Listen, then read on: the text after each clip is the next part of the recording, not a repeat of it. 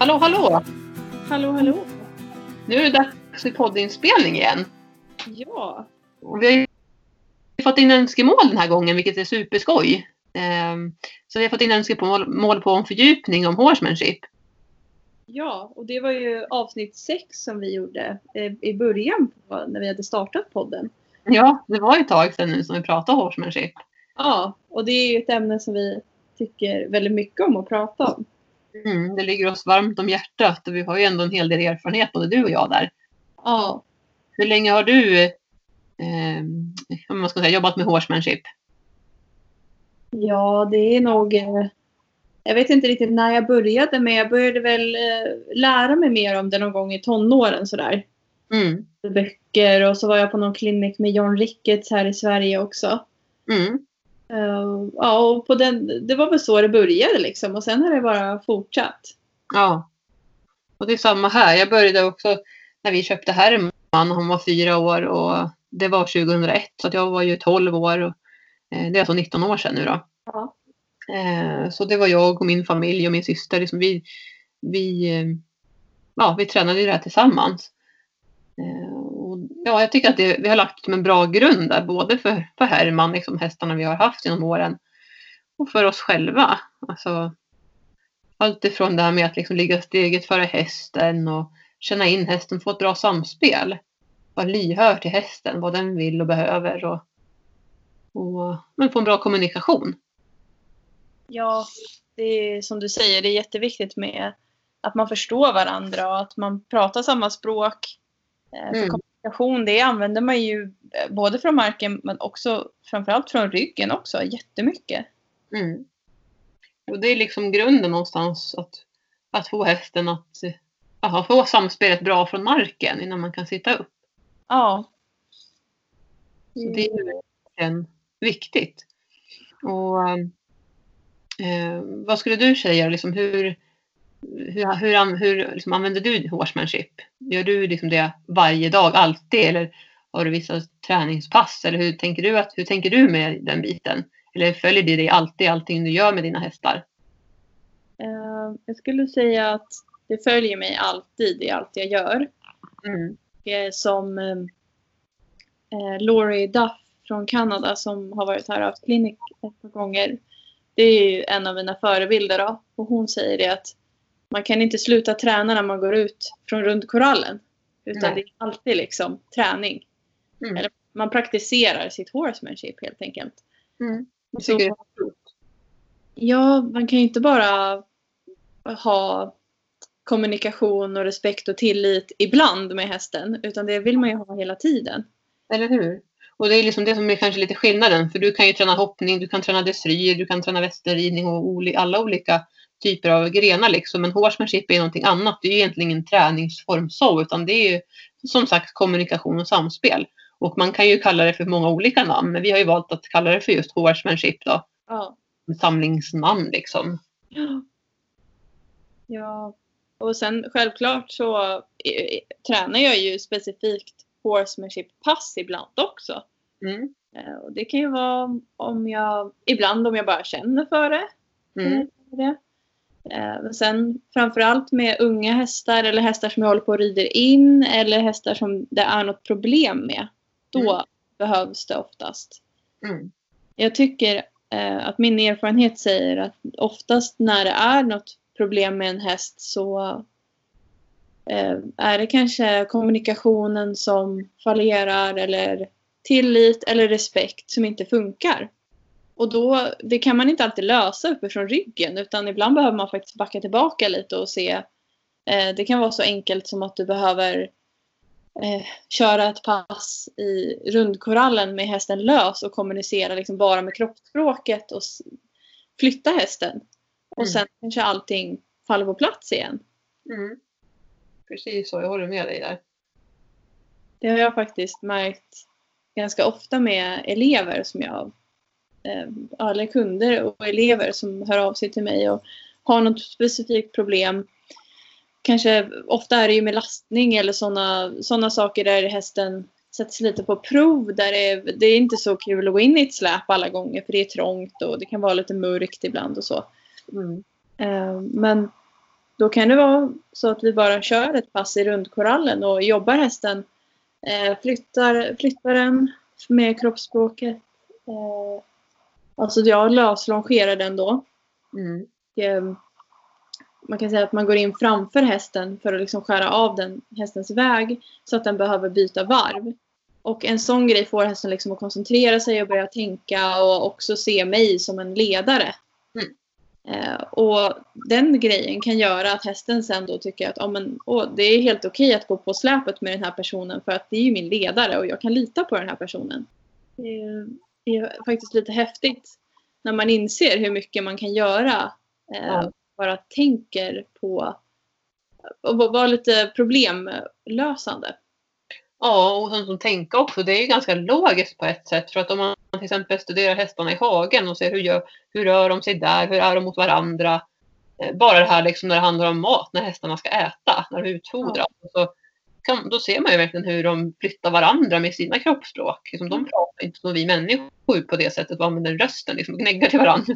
Utan Som man ser på alla filmer och sånt där, hästarna gnäggar och pratar. De Ja. använder sitt kroppsspråk. Ja, Med, och så det är ju tryck liksom de lägger på varandra. Så ja, det finns mycket att lära genom att bara titta på hästarna i hagen faktiskt. Studera dem hur de är. ja och där kan man ju se tydligt eh, vem som bossar över vem. Och Ja, det behöver ju inte betyda att de inte är kompisar. Utan Mm. det är kanske oftast med hästar handlar det ju mest om att en som är högre i rang kanske vill gå fram till vattnet eller höbalen eller en viss gräsfläck och då jagar den bort de andra för att den ska vara där. mm. Sen kan de stå och klia varandra en stund senare för de är ju fortfarande kompisar. Det är inte som att de är osams då. nej. Och det kan jag ju säga. Jag har ju som sagt två hästar nu när vi spelar in det här avsnittet. Och de är ju verkligen tajta för vi har ju eget stall hemma. Så det är ju liksom de två. Och de kan vara ganska brutala på varandra ibland. Alltså de kan nafsa efter varandra och de kan liksom verkligen så lägga öronen bakåt och fösa bort varandra. Framförallt i matsituationer. Men sen är de ju världens bästa kompisar och liksom nästan o... o- Man kan nästan inte skilja på dem utan de vill liksom alltid vara ihop i princip. Så att det, det är som du säger och det är viktigt att förstå det också som människa och ryttare att bara för att du liksom jobbar med horsemanship och liksom ber hästen att flytta från dig och eh, så vidare så betyder ju inte det att du är liksom, att ni på något sätt är ovänner med varandra. Eh, vi kommer ju inte fördjupa oss lite mer i det så att det kanske klarar lite vad jag menar men att eh, eh, jag tror att många tänker så. Det här att horsemanship, alltså man, det här med att hålla, behålla sitt eget space, liksom att man har sin eh, zon och hästen har sin zon. Att man liksom inte går på för snabbt mot hästen och för hårt i sitt, eh, sin kroppshållning utan att man låter hästen ha sin zon där den får vara precis som vi får ha våran zon. Vi vill inte att hästen ska springa över oss till exempel. Men det betyder inte att man är mindre kompisar med hästen för det utan snarare nästan tvärtom. Man har respekt för varandra. Ja. Och det har man ju för sina vänner i, alltså sina människovänner också. Ja. Eh, och jag brukar säga det till folk som kommer till mig och tränar att det är inte, alltså en ledare är ju inte någon så här, det här är bossen och den ska vara den som styr och ställer och så hela tiden. Utan det, det handlar ju om att man, man ska vara en bra ledare. Och Mm. en bra ledare kan ju vara en vän också. Mm. Så att man inte tappar bort det här. Alltså och ledare är ingenting negativt. Nej, precis. Det är det verkligen. Och hästar behöver ju alltid, de vill alltid ha en ledare. Ja. De behöver det liksom i sin natur. Och de är ju flockdjur och en häst ensam mår ju aldrig bra utan de behöver ju vara minst två hästar. Och det är samma när de är med oss människor. Då blir ju vi, om vi säger att vi är själva med vår häst på ridbanan eller ute i skogen och rider eller vad vi gör så är det ju då vi två säger vi. Och då behöver ju hästen känna att men här är min ledare liksom när man är ute. Och känner inte hästen det, det är då det är lätt att hästen börjar hitta på dumheter tänkte jag säga. Alltså, hästen är ju aldrig dum men för oss människor så kanske, men vad händer nu? Nu börjar den bete sig illa här eller vad det nu kan vara den hittar på. Liksom. Eh, och då är det kanske för att den inte känner, det skulle kunna vara, det behöver inte alltid vara så att säga nu alla gånger, utan men i många fall så kan det vara att den inte kanske känner att den har en tydlig ledare. Eller vad säger du Josefin? Håller du med mig där? Ja, det är absolut. Ofta kan det vara så. Mm. Men inte alltid förstås. Nej. Men många gånger så kan det vara så. Jag tycker att jag och hästar har väldigt bra, en väldigt bra relation mellan varandra. Men det händer ju ibland att de stannar och det är någonting de inte vill gå förbi. Mm. Och ofta kan det då vara att man kanske inte heller känner att man har tiden att låta dem stå där och tänka ut hur de ska lösa det utan man vill ju bara framåt. Mm. Eh, Jag, till exempel när jag har varit inne i Stockholm och ridit med mina hästar så kan det vara någon bro som är lite läskig och det står så här betongsuggor och sånt så det är ganska smalt på vissa ställen. Och det är fullt förståeligt för det är liksom en, en trängd situation naturligt för en häst. Ja, och då kommer det en massa människor och då blir man ju själv lite stressad och bara men kom igen gå förbi här nu för man vill ju inte stå där och blockera vägen och det kommer folk som tittar och så. Så där är det ju ehm, kanske så att man som ledare inte heller ger hästen chansen att verkligen hantera det så som den vill. Mm. Att man, det blir Mm. lätt att man liksom pressar på bara men kom igen vi måste förbi här snabbare. Mm, och då känner de ju stressen då till exempel från ryttaren då. Och då kanske det blir mer press. Ja. Det kan man ju tänka hur man själv kan vara i sådana situationer. Eh, om man känner att man behöver mer tid men någon står där och pushar på. Liksom, Kom igen nu, skynda dig. Liksom. Det har väl nästan alla varit med om i någon situation. Och hur känner man sig då? Men då blir det nästan värre. Det blir nästan jobbigare då. man är ju inte perfekt som ledare utan man Mm. gör ju fel ibland och hästen gör fel ibland men det är liksom, Det är ju helt okej. ja. Det måste det få vara. Det är så man också lär sig och utvecklar sig också, tänker jag. Och Ja. i vissa situationer är ju svåra att förutspå också. Liksom. Och man kan inte veta hur hästen reagerar. Ibland kan ju en häst eh, inte alls kanske bry sig om någonting. Men sen en annan gång så kanske den helt plötsligt gör det. Och det kan ju vara någonting annat då som ligger till grund för det. Liksom. Eh, men det hör, man ju också många gånger att det kan hända. ja. Ja, ofta tycker jag att det är så att hästen kanske är i, den blir skrämd av någonting och då är den i den sinnesstämningen lite grann. Och då kan det liksom trigga att någonting som egentligen inte skrämmer hästen gör att den blir ännu mer rädd. Mm. För att den var i fel sinnesstämning. Så Ja. Det är mycket psykologi när man håller på med hästar. Och man får ibland liksom analysera men inte för mycket heller. Nej. Jag kan ta ett sånt exempel bara på Herman här när vi, när vi hade en lektion och vi skulle rida ner till vår sommarhage. Och då måste man gå ungefär, vad kan det vara, 50 meter på asfaltsvägen.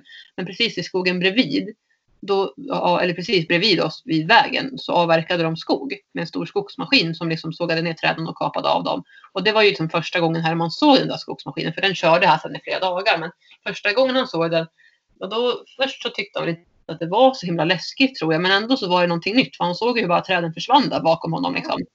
Men sen på tillbakavägen när vi vände tillbaka från sommarhagen och skulle rida tillbaka. Då var han ännu värre. Då hade han liksom fått bearbeta det där tror jag en tid. Liksom, och tänkt lite grann på att det var någonting annorlunda. Han hade den där sinnen, sinnesstämningen kvar. Så när vi gick tillbaka då var han jätteskärrad. Och han såg en bil nere på en skogsväg som inte brukar stå där. Det kändes som att det var den han tittade mest på. Och tyckte vad, vad är det här liksom? Han var väldigt så här skärrad. Och den personen som red då fick ju hoppa av för kände att det är inte värt liksom, att det händer någonting. För det var dessutom ett barn och så lite lättare och sådär. Så på hans tid kan det hända olyckor. Så då fick den barn, barnen fick kliva ner och så ledde jag honom. Och han var ganska orolig hela vägen hem. Eh, Så vi fick ta en annan väg då för jag kände att det inte är värt att gå ut på vägen och riskera att han blir rädd. Nej. Men sen dagen därpå så hade vi lektion igen och då var vi på ridbanan. Då körde de precis liksom på andra sidan vägen. För vår ridbana ligger vid vägen. Eh, och han brydde sig inte för fem öre. Alltså verkligen han eller Gingis höjde på ögonbrynen liksom. Utan det var verkligen ingenting liksom. Så att eh, ibland så kan bara saker som inte bru- brukar vara läskigt eh, helt plötsligt bli det. Och sen så kan det liksom gå över också. helt Plötsligt också. Så att det är, ja. Får inte glömma bort att hästar är hästar. De tänker inte som vi gör. Nej, och de är vanedjur. Och Mm. är någonting inte som det brukar vara så, uh, så är det konstigt, tycker de. Ja. Och de är ju också flyktdjur så att är det någonting som de tycker är en fara då, då reagerar de ju många gånger på det. Ja. Men det pratat också om de här med deras hjärnhalvor, den här reagerande sidan och Ja. den tänkande sidan. Och det tränar man ju mycket på med horsemanship tänker jag. Man tränar mycket på att de får använda den tänkande sidan. Ja. Det är ju precis det som horsemanship-träning går ut på, i alla fall för mig. Att man, man vill att hästen ska lära sig att den ska tänka mer än vad den reagerar. Ja, Och att den, om den reagerar på någonting, alltså blir rädd till exempel, så ska den lätt kunna koppla på den tänkande delen av hjärnan igen och bara, nej men just det. Mm. Jag ska tänka mig ur det här. ja. Och, För de kan ju inte både tänka och reagera samtidigt. Nej. Och, och jag tänker, det är så, så som vi tränade mycket med Herman då när han var ung häst och sådär. Det var att vi gjorde lite trängre utrymmen på, i rid, på ridbanan. Så vi spände upp med plastband vet jag vi gjorde som en triangel. Så då skulle han gå in där i den där triangeln mellan plastband som egentligen också kan vara ganska skrämmande för en häst. Ja. Då skulle han backa ut därifrån och sådana saker. Så det var också en grej som vi gjorde. Ehm, det här med att flytta fram tryck, flytta bakdel, framdel, backa. Eh, hålla sig bakom oss. Ja. Det tycker jag är en ganska intressant sak för att jag tycker man får lära sig väldigt olika beroende på vart man rider och så vidare. Eh, vad man har lärt sig. Det här med att leda hästen. Nu får vi ana här men, men hur, hur tänker du Josefin? För jag tänker att jag brukar alltid leda mina hästar. Jag brukar oftast gå före dem, alltså framför hästen. Och inte bredvid. Nej, jag gör samma sak. Mm. Jag vill att de ska följa mig. Precis, och det är det som är syftet med det, att hästen ska följa människan. Ja. Går, går man bredvid så blir det mer att, okej, okay, vem, är, vem är ledaren här? Är det hästen ja. eller är det ryttaren? Och då blir det lätt att kanske hästen springer före eller går före eller oj, den ser en grästuva och sen så är den redan före liksom. En, ja. På väg ner i diket eller vad det kan vara. Men genom att gå före då känner du ju hästen var du har den. Jag vet att du sa också i något avsnitt tidigare att du hade en häst som hade vissa var en skada tror jag och den var, var lite ivrig och pigg och sådär och du kunde ja. känna hästen hoppa bakom dig i grimskaftet. Liksom. Men du gick där tydligt och liksom, som en ledare ska göra. Och han fick greja och hoppas bäst han ville där. Men du hade ändå koll och du kände liksom att hästen var där bakom dig. Ja. Och den, de, de ska inte gå in i en. Alltså de ska, det handlar inte om att de går bakom med mulen rakt i ryggen på en utan de ska ju hålla ett avstånd. Eh, jag brukar tänka att det är som en, man har en rockring runt sig liksom. Det är mm. min inspets. Där ska inte hästen vara om inte jag bjuder in den dit. Mm, man får ju göra det förstås. Man får stå och kela och gosa med sin häst. Men som det var på dina villkor. Samma sak som hästen har ju sin rockring runt sig. Ja. Eh. Exakt. Och det är ibland så har man en häst som är respektlös eller liksom puttas och håller på, då vill inte jag stå och gosa på den för den står och liksom puttar på mig och det är inget skönt. Nej. Men är, visar hästen tillgivenhet och liksom respekt, då kan jag stå och gosa med den jättemycket. Och det är ju mm. samma för hästens del. Mm. Ibland så märker man ju, nej men den vill inte att jag ska klia på honom idag.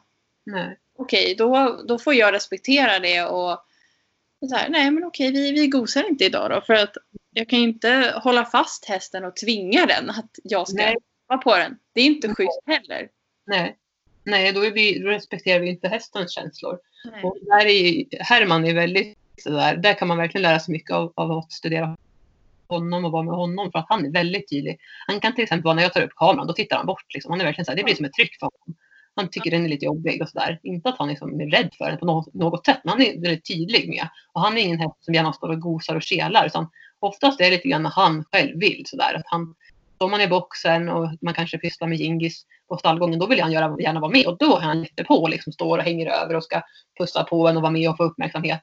Um, men ibland så då, då vill han inte. Då kan han ställa sig med rumpan mot liksom, i, boxen och stå där och liksom vara tydlig med att jag vill inte kela idag. Jag vill inte liksom, det är bara flummigt tycker han. Ja. Men de är ju sådär ja. olika. Ja. En, del, en del tycker jättemycket om att bli borstade och kan stå liksom på längden hem. Hästar de tycker liksom att de tycker inte om att bli borstade. De Nej. tycker att det är så här, åh, de är ivriga, de vill liksom ut och göra något annat istället. Och sen, ja, de uppskattar inte den ryck på det sättet. Nej. Mina de står alltid och sover, de tycker det är jätteskönt. Ja det är som jätteolika från häst till häst och det måste man förstå. Alla är inte lika där. Nej. På några fronter. Det är individer precis som vi människor och som gillar olika saker. Ja.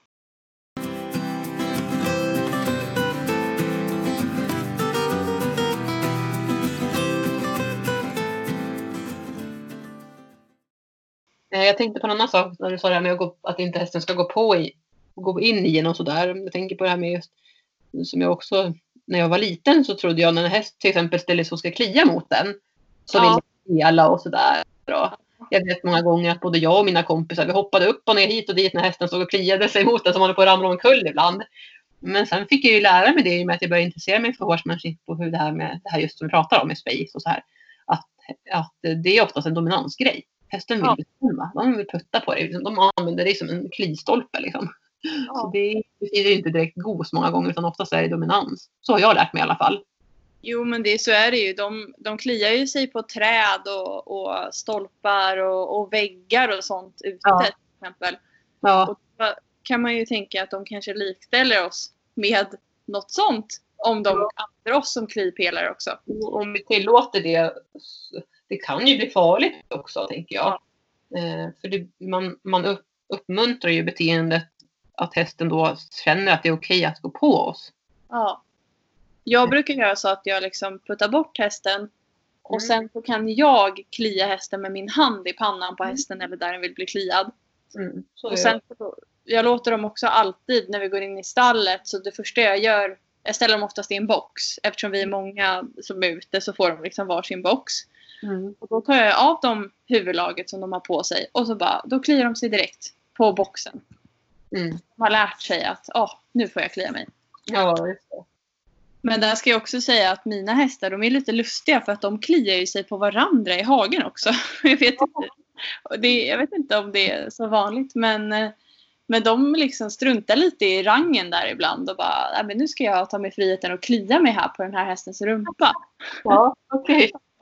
Ja, så att de, ja, de, de hittar på mycket olika saker men man måste också tänka, är det här bekvämt för mig? Nej, det är det Mm. också inte. Nej, oftast är det inte det. Man kan ju få blåmärken och allt möjligt. Ja, har man ju fått i alla fall jag. Har man, har man då säga, barn eller jag har ju Mm. också barn i mitt stall eller många som kommer i stallet så då kan det ju bli farligt för dem om hästen står och kliar sig på dem. De flyger omkring. Eh, Ja, och när vi ändå pratar om det här som, som ofta också är ganska vanligt bland barn att man vill mata hästar. Där brukar jag försöka vara väldigt bestämd att inte mata från händerna. Och Nej. inte under, under träningspass eller när man sköter hästarna i stallet. Utan det får ske i boxen och helst då, ibland sker det undantag, att man matar från händerna. Men oftast så brukar vi lägga en hink eller slänga in det på, mark, på golvet eller marken. Liksom. Att därifrån så att man inte skapar det här att de förväntar sig mat och att det blir missförstånd. Att de tror att handen sen är nog rot eller vad som helst och råkar bita. Ja. Det är bara en liten parentes. Kanske inte har så mycket med horsemanship att göra men ändå så här saker som kan vara bra att tänka på. ja, men jag tycker ändå att det är viktigt. Eh, Mm. Det är ju så. De, ska, de kan absolut få en godis av mig men de, jag vill inte att de ska förvänta sig eller ta det för givet. Det att man, precis som med sina andra relationer vill man ju inte bli tagen för givet av sina vänner. Till exempel. Precis. Det är lite det är ge och ta. Ja. Men ska vi ta lite exempel då på um, hur vi tränar hästar i olika situationer och hur man, hur vi fick önskemål bland annat om liksom hur man tränar en häst. Ja, Hur man får en häst att stå still vid uppsittning. Ska vi ta det? det kan vi ju prata om. För det, eh, generellt så är det ju svårt att liksom beskriva bildligt hur man gör eh, eftersom att vi pratar ju om någonting där man använder väldigt mycket kroppsspråk. Och det är ju svårt att förklara kroppsspråket i en podd kanske. Men eh, vi kan ju ge exempel på hur vi tränar och försöka så gott vi kan att beskriva hur vi Mm. står och vad vi tänker på och så. Mm. Eh, och då tänker jag med pallen att har man en häst som inte vill stå still vid uppsittning med pall pratar vi om nu då. Mm. Då kan det ju vara att den tycker kanske att pallen är ett tryck. Mm. Att som tycker att nej men den här, jag gillar inte den här pallen. Jag vill, jag vill flytta mig en bit ifrån den för att se på den ordentligt. Kan Mm. det vara. Det kan det vara. Så jag brukar låta den hästen nosa på pallen då och Mm. se vad det är för någonting. Och när hästen har nosat lite så är jag noga med att ta bort pallen och ge eftergift. Så att den belönas när den gör det som jag vill att den ska göra. Mm. Och så tar jag tillbaka pallen och låter den nosa lite igen och så. Och sen kan jag prova med att ställa pallen en bit ifrån hästen först. Alltså inte precis där man ska sitta upp utan en liten bit, längre bit ifrån Ja. inte blir tryck, för mycket tryck på en gång. Eh, och sen gradvis då när hästen står still och accepterar det så jag får jag ta bort pallen och ger eftergift och så kan jag gradvis komma närmare hästen tills jag kan ha pallen där man ska sitta upp. Mm. Eh, och så småningom då så kan jag ju ställa mig på pallen. Och då gör jag ju så, alltså Jag tror att många, eh, om man har en häst nu som inte vill gå iväg, så kanske man skyndar sig upp på hästen för att man vill komma upp innan den har hunnit gå iväg. Mm, precis. Det är lite tvärt emot hur man ska göra för att då blir det ju som att man typ attackerar hästen och bara slänger sig upp. Liksom. Mm. Det blir lite obehagligt för hästen. Och då blir det ju en negativ spiral för då kommer den ju komma ihåg det och så vet den oh nej nu ska de Mm. upp på mig igen och de ska liksom skynda sig upp sådär. Det blir stress liksom. Ja. Mm. Eh, Så jag är väldigt noga med att liksom gå upp på pallen. Hästen står kvar, jag går ner och ger eftergift. Mm. Kan också ta bort pallen igen då om det är en häst som är väldigt sådär att den inte tycker om trycket av pallen bredvid sig. Ja. Ehm, och sen är det noga viktigt att man inte liksom går upp på pallen och då är riktad mot hästens bakdel. För då kan ju ditt kroppsspråk säga att hästen ska flytta bort sin bakdel från dig. Ja. Och då är det ju du som ryttare som hela tiden säger flytta på dig, flytta på dig. Och hästen gör bara det som man säger fast man inte är medveten om det. Mm. Så man får vara noga med, jag brukar liksom rikta mig lite mot, eh, alltså med magen mot hästens sadel och Mm. ha fokus på halsen, liksom kunna klappa hästen och så. Ja. Och sen eh, har jag, jag har haft en häst som gick iväg och var jättejobbig när man skulle sitta upp. Så den har jag jobbat mycket med och att jag liksom eh, sätter foten i stigbygeln och ger eftergift när hästen står still. Och att man har tagit det verkligen varje steg ända tills jag kan sitta upp på hästen och den Mm. står still. Mm. Eh, och det kan ta kanske alltså, 20 minuter av ett träningspass, 30 minuter innan du kommer upp på hästen. Mm. Men sen kanske det tar bara fem minuter nästa gång. Precis. Det är ju så viktigt att inte hoppa några steg och inte skynda. Alltså, ta det långsamt och ta det i hästens takt. Ja, Var lyhörd till hur hästen reagerar. Kolla på huvudet, på öronen, kropp, kroppsspråket. ja. Och som sagt inte att man liksom bara skyndar sig och slänger sig på för att hästen då tillfälligt står still. För det blir ju bara negativt. Mm, precis som vi pratade om i andra avsnitt också, det här med hur fånga hästen i hagen och så. Så att man inte kastar på grimman om man har en svårfångad häst. Utan att man går fram, låter hästen stå och tugga lite till. Där kanske den står och äter gräs eller vad det nu kan vara. Ja, på grimman, kanske till och med ta av den igen. Alltså Ja. sådär, trä, träna sig fram i lugn takt så att hästen känner att här är ingenting jag behöver fly ifrån. Utan nej. här, går det långsamt till och jag häng, hänger med och tänker liksom. Och, mm, Det är ju bra att ta, bestämma sig för en dag. Om man har en häst som är svår att sätta på grimman på i hagen till exempel. Eller vad det kan vara. mm, man liksom avsätter tid en dag för att bara gå ut så att, och eh, sätta på grimman, ta av grimman. mm, Att man liksom visar att det blir eftergift. mm, Så att man inte bara går ut och bara yes, jag lyckades fånga hästen, nu ska vi göra allting som jag har velat göra de senaste dagarna när jag inte har kunnat fånga hästen. mm. För det ska ju vara något positivt med. Alltså man måste alltid tänka att det, det kommer en belöning för hästen så att den lär sig att det här är något bra för mig. Ja. ja, jag håller med där. Och jag tycker också att det är som sagt väldigt viktigt att hästen kan stå still eller står still när man hoppar upp. Ja, Det minskar ju risken för att det händer olyckor och så. ja, Och du, får, alltså, du vill ju ha, tänker jag, ändå en lugn häst. Alltså en häst som är trygg med momenten som man gör med den. Ja, Och eh, ja, det är liksom det är värt att träna på tycker jag. absolut. Det är ju så mycket enklare om man har en häst som, som står still när man ska sitta upp till exempel.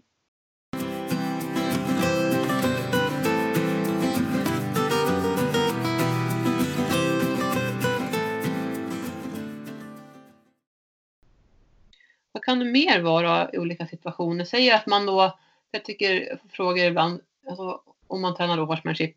Säg att man, all, att man har en häst som aldrig någonsin har hanterats kanske så som, som vi pratar nu, när man, hur vi tränar hästarna.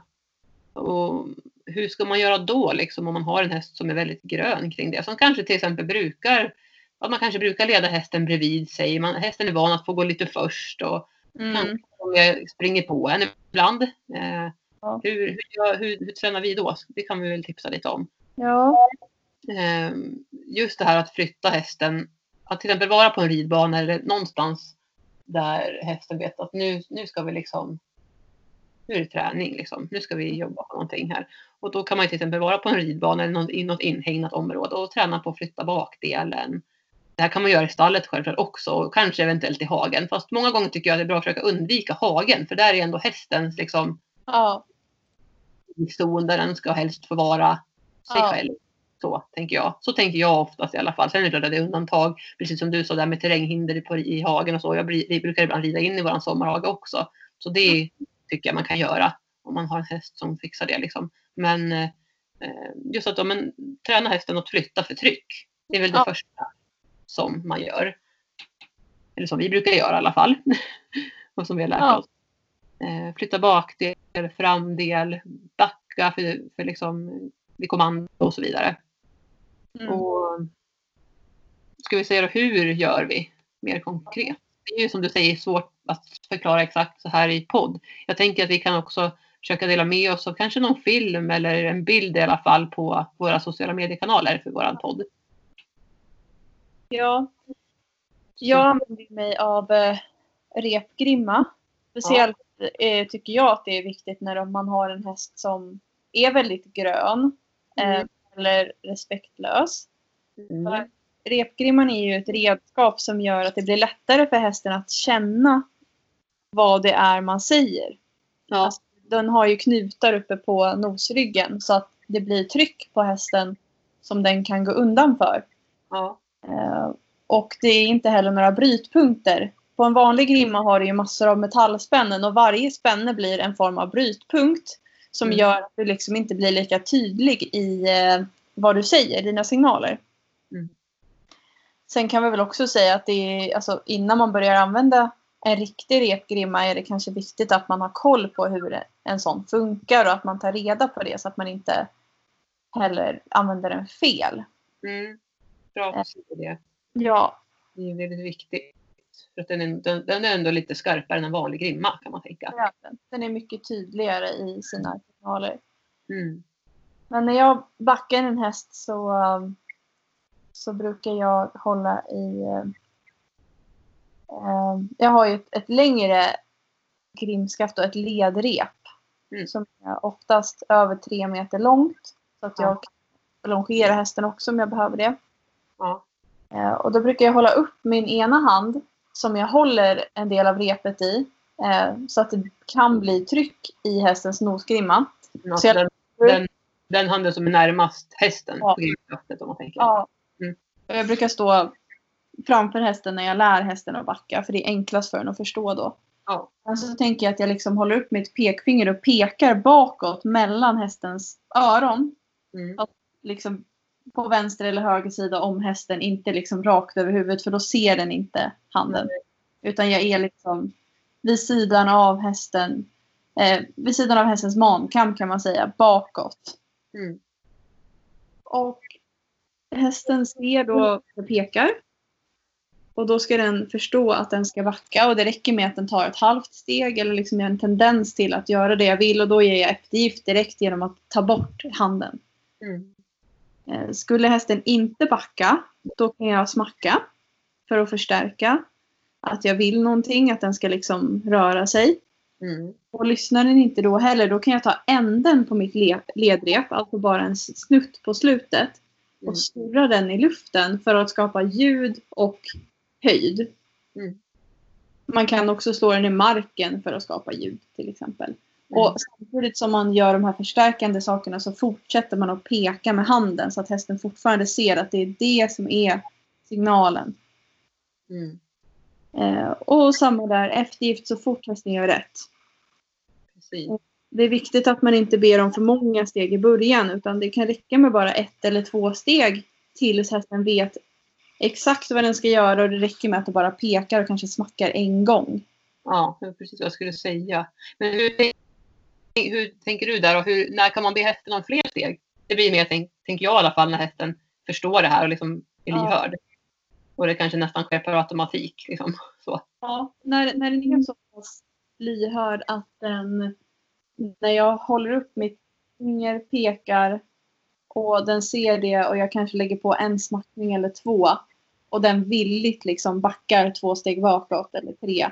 Då känner jag att nu kan jag börja ta Mm. lite flera steg. För nu förstår den verkligen vad jag vill. Mm. Och jag tänker då, om till exempel hästen börjar skaka med huvudet. Oftast betyder det att det är obehag, att hästen känner något slags obehag. Eller hur? Så i alla fall jag lärt mig. Att då, då- blir kanske trycket lite för stort. Mm. Och då kan man behöva kanske minska lite på det där trycket. För, för att man vill ändå att hästen ska försöka stå alltså stilla och liksom kroppsspråket ska ändå vara liksom lugnt. Eh, svårt att förklara vad jag menar. Förstår du vad jag menar Josefin? Ja, jag tänker att det är viktigt. Alltså om jag har börjat med tryck så fortsätter jag med det tills hästen gör rätt. För jag vill inte belöna den vid fel tillfälle. Men det är viktigt att man inte ger för stort tryck på en gång utan att man verkligen stegvis ökar det. Som du säger, att om märker man liksom att hästen tycker att någonting är lite obehagligt så kanske du kan stanna kvar vid det trycket lite till innan du börjar lägga på ännu mera tryck. Ja. Så att det inte blir för mycket för hästen på en gång. Mm. Det tycker jag är viktigt. Ja. Man måste ju ändå tänka på att de är individer. Mm. Eh, och de kan ju ha saker som de har varit med om eller något som gör att de tycker att vissa saker är lite mera obehagligt.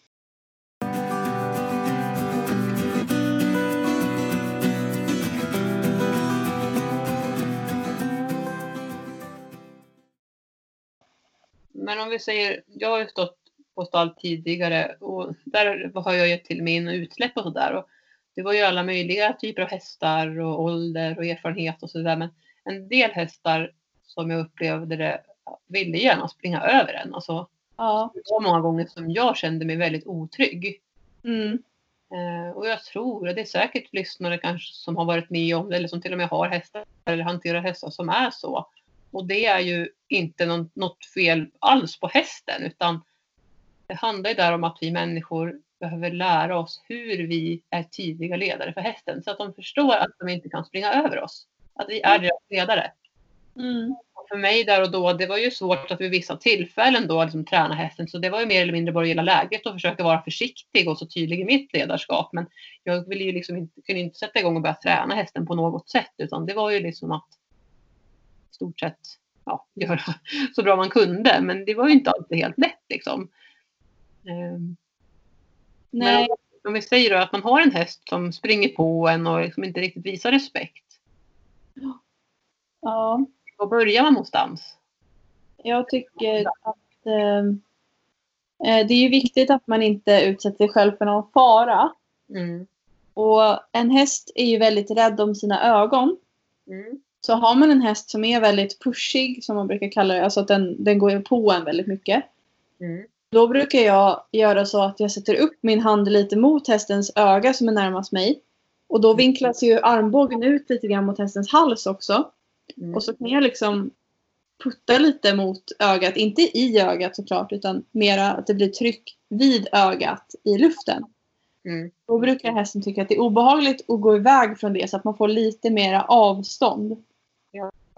Så det är ett bra tips om du har en häst som liksom är väldigt på så att den nästan kliver på dig. Mm. Då liksom använd din hand mot ansiktet, ögat för att flytta hästen så att du inte ja, så att du inte helt enkelt eh, får hästen på dig. Mm. Och sen så brukar jag träna genom att jag, då till exempel när jag går med hästen, säg att jag går på ridbanan, så går jag före hästen, jag håller min, min oftast då så håller jag hästen och så har jag den på min högra sida. Och Ja. då brukar jag hålla min högra hand eller min armbåge mot liksom höften så att jag får lite stöd. Och så håller jag ut min hand så att hästen följer min hand. Ja. Eh, och jag tänker också på det här med grimskaftet, att det ska helst inte vara sträckt utan det ska vara lite slakt, att det ska hänga lite. Så att det inte blir ett konstant tryck, att man drar i hästen. Eh, så länge inte hästen då gör någonting så att man behöver hålla, hålla emot, liksom stoppa upp den och sen ge eftergift när den gör det man ber om. Men just att när man går vanligt så ska det vara, så ska grimskaftet vara lite längre och hästen ska gå bakom. Säg då att ja, men hästen springer på mig, säger vi. Eh, Mm. Då vill jag backa hästen. Och antingen kan man göra så att man vänder sig mot hästen och börjar backa upp den precis som du beskrev här innan. Eller så kan man också använda sitt kroppsspråk, alltså höja sina armar. Man står med ryggen mot hästen, liksom, Ja. hästens huvud. Eh, höja upp armarna och liksom vara tydlig med sitt kroppsspråk att här är stopp. Liksom, man kan till och med de vifta med armarna liksom, i, si, i, sin, i sidan som en vägg. Liksom. Här stopp. Upp med händerna så. Ja. Det är oftast reagerar med att den stannar för den vill ju inte krocka in i oss då. Då, blir, då förstärker man ju att här står jag. Liksom. Ja. Eh, man kan till och med också liksom, använda sparkar, alltså man kan kicka mot hästen. Inte att man ska sparka den fysiskt utan att man sparkar i luften. Precis som hästar gör i hagen mot varandra. De använder liksom sparkar och flyttar rumpan mot. Om man har en häst som inte liksom lyssnar och verkligen krockar in en gång på gång. Man tränar och tränar liksom, men man får kanske inget svar. Då kan man börja använda det. Eh, att liksom arm, stark, förstärka med armarna liksom upp i luften så, eller liksom lite upp. Det beror på. Det får man känna av hästen, liksom, hur den reagerar. Det här är så svårt. Det är från häst till häst. Hur tidigt, hur mycket man behöver förstärka. Och sen kan man även använda benen och liksom sparka lite bakåt för att få hästen att stanna bakom dig. Inte in i dig. Och skulle hästen till exempel krocka in i din armbåge då, då, blir, då blir ju det ett tryck i sig för hästen. Det vill den ju inte. Liksom. Det är inte så skönt för hästen att krocka in i din arm. Nej. Eh, och då lär den sig det med tiden också att okej, okay, det här var inte kanske optimala. Nej. Så, så, så brukar jag träna också. Så jag går liksom i rask takt, rak hållning, eh, mm. armen går i sidan, hästen följer min hand. Eh, och i och med att jag har lite längre grimskaft, hästen kanske går cirka en meter bakom mig, så har ju hästen lite tid på att hinna reagera när jag väl stannar. För ja. du, man vill ju få det här att hästen ska vara lyhörd till dig, så att när du stannar så ska hästen känna och se det direkt. Så den stannar precis samma tidpunkt som du. Ja. Och inte komma upp emot dig. Skulle hästen komma upp emot mig, då brukar jag backa upp hästen direkt. Ja. För att visa, här vill jag ha dig liksom. Ja. Mm. Ja, och där Alltså när det gäller att förstärka det man säger så är det ju precis som du säger. Man, kan, man använder ju kroppsspråket. Jag kan till exempel också stampa i marken eller någonting som är så tydligt för hästen. Det är ju kanske steget före det här med innan man sparkar i luften. Mm. det kan vara en stampning i marken. Ja. ja. Men det är alltså man kollar lite på hästarna i hagen så får man mycket inspiration för mm. hur de kommunicerar med varandra som mm. sagt. Det är så olika på hur känsliga hästarna är. Som min shettis då som jag nämnt tidigare också, han är ju ganska så här, okänslig. Han måste ja. verkligen förstärka sitt kroppsspråk enormt och där kan jag behöva sparka, i alla fall tidigare när vi liksom eh, började träna det här så fick jag sparka upp i luften för att förtydliga att nu ska vi backa, nu vill jag att du liksom backar från mig. Ja. Så räcker det bara att jag stannar så stannar han bakom mig. Men det är också väldigt tydligt när jag märker så fort det kommer en ny elev som inte har hanterat honom, då vill han gärna testa och gå om och plocka in i någon och sådär. Så då, det, ja. men det är perfekt för, för då får alla träna på det. Liksom. Hur lär man sig? Hur gör man? Ja. Um, ja, så det är intressant. Det är så kul med olika hästar. Verkligen. Hur de är. Och de pratar ju med oss hela tiden, en häst. Ja. De hela tiden. Så så är det. Ja, det handlar om bara vara lyhörd till hästen. Vad, vad försöker den säga? Ja. Det är någonting mer som du kommer på, det här med horsemanship, som vi kan säga så här? Jag tycker ju att det är bland det viktigaste som många kan ta åt sig av, det är, eller ta, ta, hjälp av, det är ju det här med när man leder hästen. För det, de flesta hamnar ju i en sån situation. Mm. Eh, och det är en ganska lätt grej att liksom ändra på i sitt ledarskap. Att man, att man är mer tydlig med hästen när, den, när man leder den, att den inte får gå på en eller in i en och så. Att man då backar hästen. Mm. Så backningen är ju ett väldigt bra redskap att använda sig av. Eller flytta hästen liksom bort från sig. Jättebra. Och det är ju aldrig för sent att ändra på, sin, på, sitt, på sitt sätt. Liksom, utan det går ju alltid att göra det. Den är ju väldigt förlåtande på det sättet så att det är inte så här, åh, vad har du börjat med nu? Ska vi göra det här? Utan det är snarare tror jag, positivt. Ja. Det blir mer tydligt och sådär. Så det är bara att göra det och känner man sig väldigt osäker och inte vet så finns det ju som sagt mycket hjälp att få. Ja. Och ni får jättegärna höra av er till, till oss och ställa frågor och tips och sådär. Och, och självklart också så har vi ju lektioner också, både du och jag i det, så att det går att få hjälp. Ja. Och idag kan man ju också göra mycket online om man har långt att åka och så vidare. Ja. Eh, men det är verkligen roligt och jag tycker att för mig så har det hjälpt jättemycket med relationen till hästarna. Liksom, det är roligt att hantera dem när man känner att de, att de lyssnar på en, man lyssnar på dem tillbaka. Det blir, ja, det, det känns, det känns liksom väldigt mycket roligare. Jag kan jämföra när vi köpte vår första häst, vårt russ. Han var ju en häst som var väldigt dominant. Han ville springa över oss och han stack och han eh, slet eh, pappas eh, axel och led och det var massa saker. Eller massa ska jag inte säga, men han var väldigt dominant och det var ju liksom innan vi hade de här kunskaperna. Så jag kan ju bara liksom komma ihåg skillnaden hur det har blivit i efterhand när vi började lära oss mer den här biten och tankesättet och träningen. Att, eh, det blev mycket roligare för mig. Man har ju mycket mera glädje av det. hästarna. Ja, precis. Det blir mer säkert också.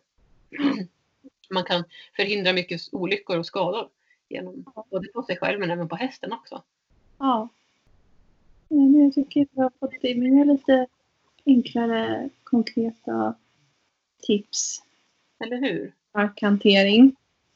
Ja, Och man får jättegärna höra av sig till oss på Instagram eller Facebook.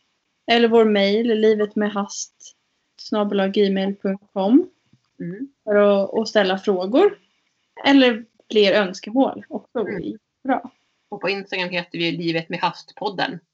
Ja. Och på Facebook Livet med Häst-podden.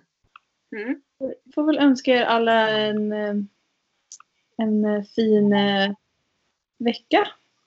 Precis. Och att ni, jag hoppas att ni får till lite horsemanship-träning. Ja, men eller hur? Och det vore ju superkul också. Och Ni får som sagt jättegärna dela med er om ni har precis kanske börjat på helt nya med det här med horsemanship och ska testa det för allra första gången på sin, på din häst eller, eller eh, kanske har tränat mer och hör era, era erfarenheter. Så dela med er, för vi vill bara höra hur mycket som helst om, om, om hur det går för er och er som lyssnar och så. Eh, era tankar och hur det går och allting. Oavsett om det går bra eller dåligt, så dela med er. Ha det så bra allihopa! Ha det så bra! Hej då!